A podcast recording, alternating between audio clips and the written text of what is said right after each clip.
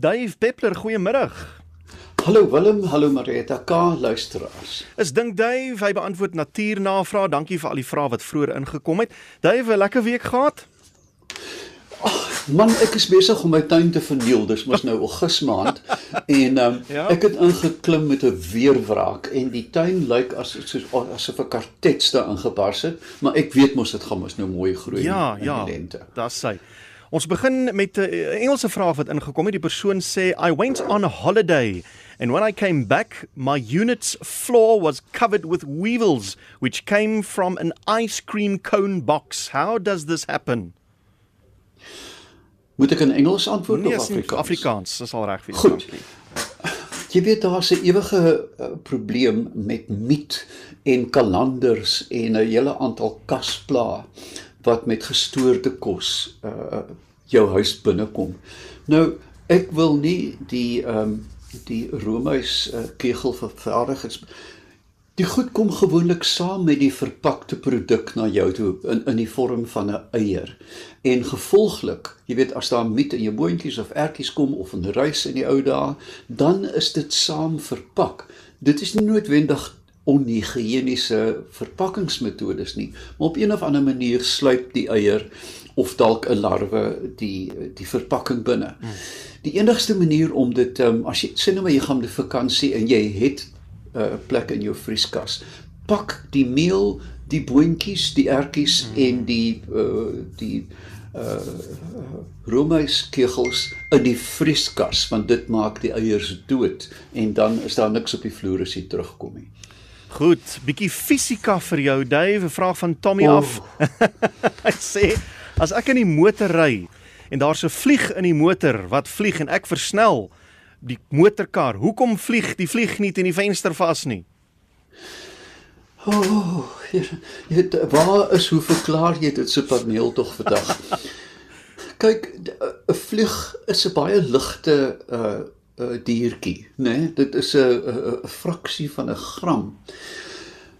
Sou daar 'n swaarder voorwerp, 'n tok tokkie of 'n muskruier ge gevlieg het en jy het vinnig genoeg versnel, dan sou daar 'n meetbare maar die uh, 'n meetbare ehm um, uh, agteruitgang uh, letterlik fisies van die van die insek gewees het. Maar die vlieg is so lig dat hy letterlik byna soos in jelly in die in die bewegende lugkolom saambeweeg. Nou eh, eh, doen maar gereelde eksperiment. Weet in die ou dae het 'n motor 'n klein venstertjie gehad, maar draai jou venster op teen 120 km/h en maak 'n bakhand. Dit jy voel of jou hand wil afbreek. Ja, ja. Jy weet met ander woorde die die die die die, die dit is hoekom vliegtye vlieg want daar is ongelooflike kragte wat op die vlerke um uitgeoefen word. Maar 'n vlieg is eenvoudig te lig um om hom te steur aan momentum. Mm. Nou ons het verlede week gepraat oor vismotte onder andere en het ons nou 'n bietjie raad ja. gekry by Rosa in Port Elizabeth. Sy sê 'n uh, eh, gerasperde sunlight seep wat hard geword het is baie goed vir vismotte. Jy kan dit in die kaste oral sprinkel. My magtig, ek dit is 'n raad wat ek nog nie van gehoor het nie. Ehm um, maar 'n mens sunlight seep wat ek nou vinnig op my voete dink, bevat karbool. Onthou jy daar da was 'n rooi seep, hmm? o hemel op skool, jy weet wat die haaifooi tog, jy weet die die kosserskinders het met so rooi seep gewas. Hulle jy weet daai karbool het jou geslaan soos 'n jy weet dit was soos 'n chemiese oorlogvoering. Ja. Maar ek vermoed dit is dalk karbool wat die werk doen in sunlight hmm. seep. Dis 'n klassieke seep, ek weet so oud soos die ja. mensdom en dit verbaas my glad nie. Dis 'n dis 'n baie handige wenk. Baie dankie. En die furie van KwaZulu-Natal, ek's mal oor vrae wat gaan oor slange. So hierso vra hy die Mosambiekse spoegkobra. Hoe weet hy waar sit 'n mens of 'n dier se oog? Want hy kan oor 'n uh, omtrent 6 voet baie sekuur na jou oë toe spoeg. Weet jy, Willem, ek kan vir jou 'n praktiese voorbeeld gee. Die jare toe ek nog betrokke was by die TV-program Groen, vang ek een in Natal. Jy weet, nou moet 'n mens natuurlik die publiek belig. Nou sit ek met die slang agter 'n klip in my een hand en praat oor die weer en sê mapsticks, kyk wat gaan nie aan nie. Dit is 'n absolute leunspel. In elk geval, en ek het die slang korrek vasgehou en ek wys vir die kameraman, ek gaan hom optel tot hier voor my en in die boog van die optel het die kobra my bril gespoeg dat ek letterlik niks kon sien nie. Ehm um, hulle is hulle is soos radars uh is hulle ingestel op die oë van of prooi of natuurlik uh, gevaar en hulle spoeg tot 2 meter ver hyperakkuraat. Dit is 'n bitter bitter gevaarlike slang. Inteendeel, ek sal nie verbaas wees as daar meer probleme met hulle is as met met mambas nie, want mambas probeer wegkom. Hierdie ding as jy hom in 'n hoek druk, jy weet, 'n halfte van die liggaam gaan in die lug op, die kop word bak en hy spoeg vir jou vol in jou oë. So, ehm um, hulle hulle kan letterlik jou oë sien. Ehm um, en dit is natuurlik 'n sitotoksiese gif. Dit is nie 'n neurologie wat weet goed wat jou lam maak nie. So met ander woorde, jy kan erge erge weefselskade kry. Dit is 'n slang om ten alle koste te vermy. Hier's 'n vraag van Hannes af. Hy sê beeste en skape is nie in Afrika mak gemaak nie.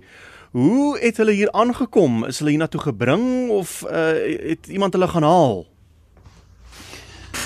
Dit kan ek nie met alles sekerheid sê nie. Een van die mees fabelagtige voorbeelde van hoe vroeg skape reeds by ons was en nou praat ons van die klassieke Damara, Damara, jy weet in vetstert skape wat baie boere nog aanhou want hulle is so gehard by ehm um, die verlorenvlei wat bekend staan as die vloervlei.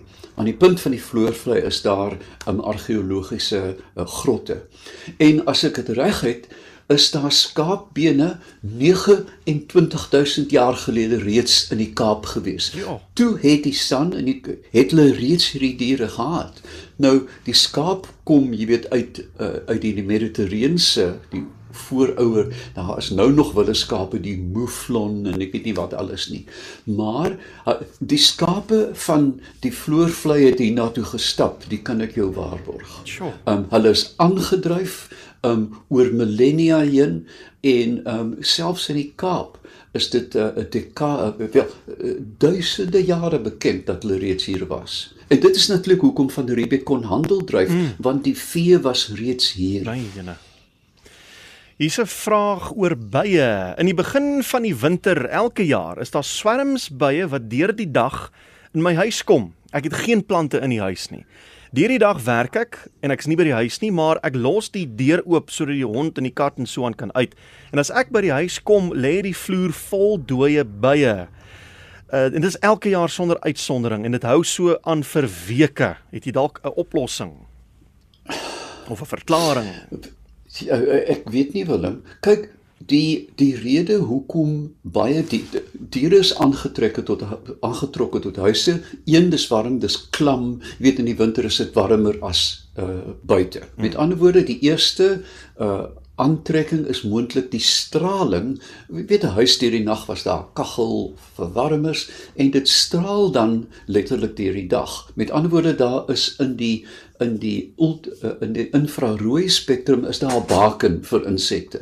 Maar dan kom hulle by die voordeur en teenoor die voordeur aan die ander kant van 'n vertrek of 'n gang is daar 'n oop venster en dit lyk na 'n tonnel en dan vlieg hulle in. Met ander woorde, as jy dan wil hê dat die diere nie met in of minder moet inkom, moet jy seker maak dat daar nie 'n skynsel van lig agter jou oop deur is nie. En dit geld vir voëls ook. Dis baie keer hoekom voëls in vensters vasvlieg, want jy weet moderne huise as jy nou jy weet 'n uh, falling waters het of 'n pragtige moderne brutalistiese huis, is daar baie glas en voëls dink eenvoudig dis 'n kraans, jy weet wat wat oop lig onder het. En dieselfde geld moontlik vir insekte. So ek dink as jy 'n as jy dit donker maak agter die deur, gaan jy uh, die probleme in 'n groot mate oplos.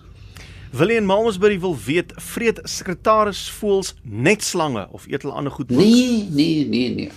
Hulle is natuurlik baie bedrewe. Jy weet ek het was gelukkig om dit 2 of 3 maal al te sien en hulle hulle sprei die vlerke um, en dit gee die slang netlik 'n wanindruk van die grootte van die voël en dan trap hulle verbeter met daai pote. Mm. Maar hulle sal uh, jy weet uh, die hemel help 'n muis 'n uh, eetbare padda nou nie 'n skurwe padda nie maar 'n gladde padda. Mm. Nee, hulle hulle te breë uh, insekte, sprinkane, termiete, maar slange is hulle werklik vooraangepas in die vorm van die gedrag wat hulle die slang mee aanpak verspreide vlerke en die die die blitsige blitsige trap tot hulle hom seermaak en dan verder opvreet.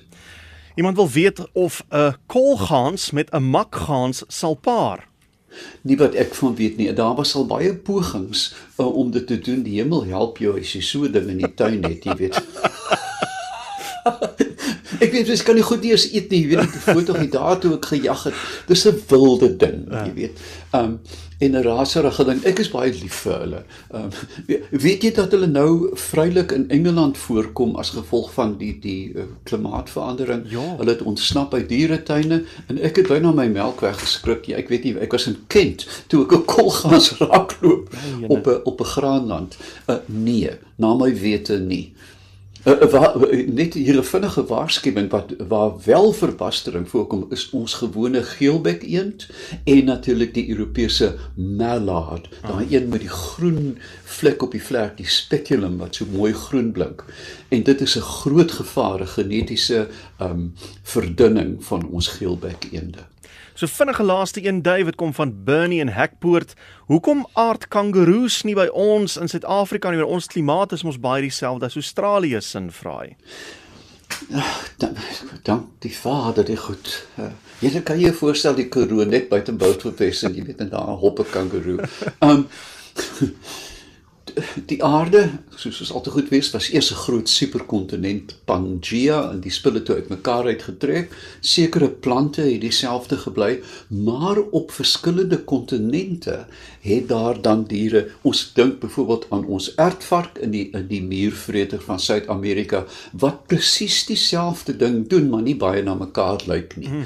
En Australië was so lank geïsoleer dat hierdie buideldiere, en dis nie net die kangaroes nie, daar's 'n hele suite ander um daar ontwikkel het. Daar is van hulle in Borneo, weet ek, in die eilande ten noorde daarvan, maar dit is 'n soort van 'n klade van van buideldiere hmm. wat net in Australië voorkom.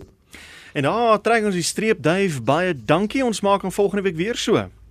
Laaste week voor ek met verlof gaan, maar ons gaan nou opnames maak Ach, vir die tyd. Sien so uit. Dankie Duif. Goed dan. Tot dan. En uh, jy kan nog verder saam met hom kuier op sy webwerf. Dit is www.davepeppler.com of soek hom op Facebook. Jy tik maar net in Dave Peppler.